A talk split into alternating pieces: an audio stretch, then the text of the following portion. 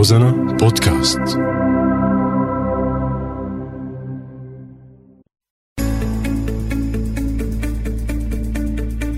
سوريات. كافحوا وبإصرار واجهوا حياتهم ومشاكلها.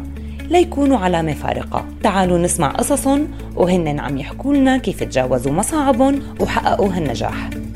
منى عبد السلام عمري 50 سنة اليوم لثلاث أولاد. متولد عامودة بس حاليا محل إقامة إقامة إيه، أنا كردية بس ما كنت بعرف آه، أكتب أو, أو أقرأ بالكردي الصف السابع يعني تعلم تعرفنا على حروف اللاتينية عن طريق اللغة الإنجليزية.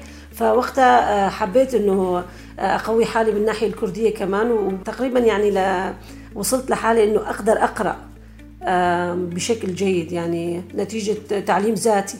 أكيد يعني ما كان في مجال ابدا لتتعلم لا لغة كردية حتى في في الدوائر الرسمية ما كان في مجال تحكي لغة كردية. أنا معلمه ضمن الإدارة المدير كثير من المرات يقول ممنوع التكلم غير اللغة العربية يعني حتى بين رفقاتنا بالمدرسة نحكي عربي. لما أمي تحكي عن وضعها أو لما جدتي كانت تحكي عن حالها تلاقي إنه في ظلم على المرأة تلاقي إنه في في كثير حقوق آه، مغيبة عن المرأة. وفي لازم يكون في نشاط لنخفف من حالات العنف وخصوصي عند المرأة المثقفة يعني هي لازم آه، تقود هالشغلة هاي.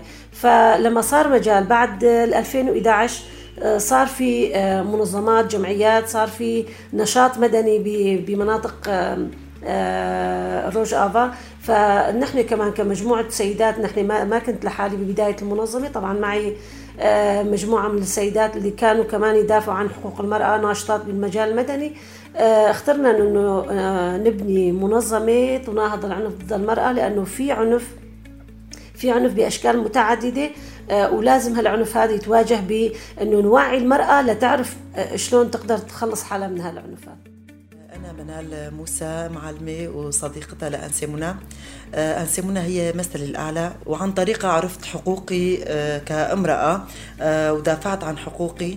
وأغلب نساء القامشلي إنه عن طريق أنسيمونا ومنظمة سارة يعني هن اللي كسروا حاجز الصمت ليدافعوا عن حقوقهم وتعمل المرأة سوية مع الرجل في المجتمع.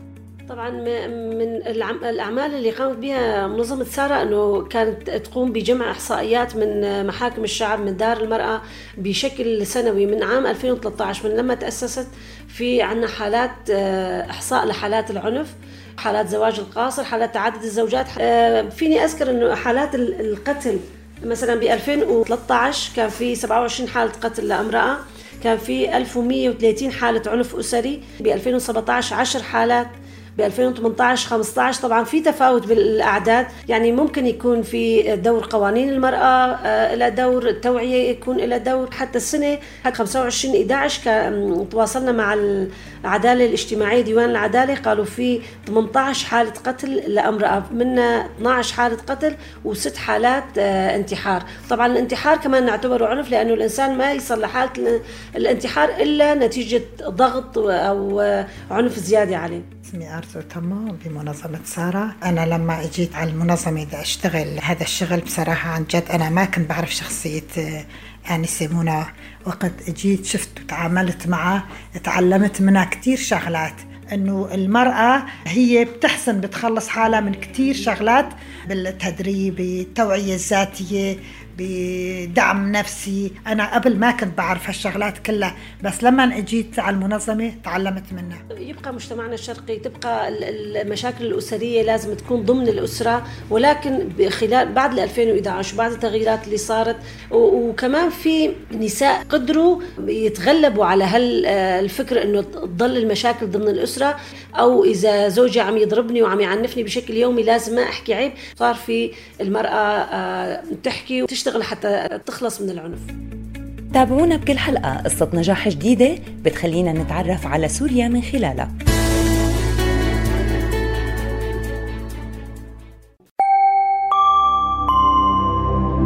روزانا بودكاست.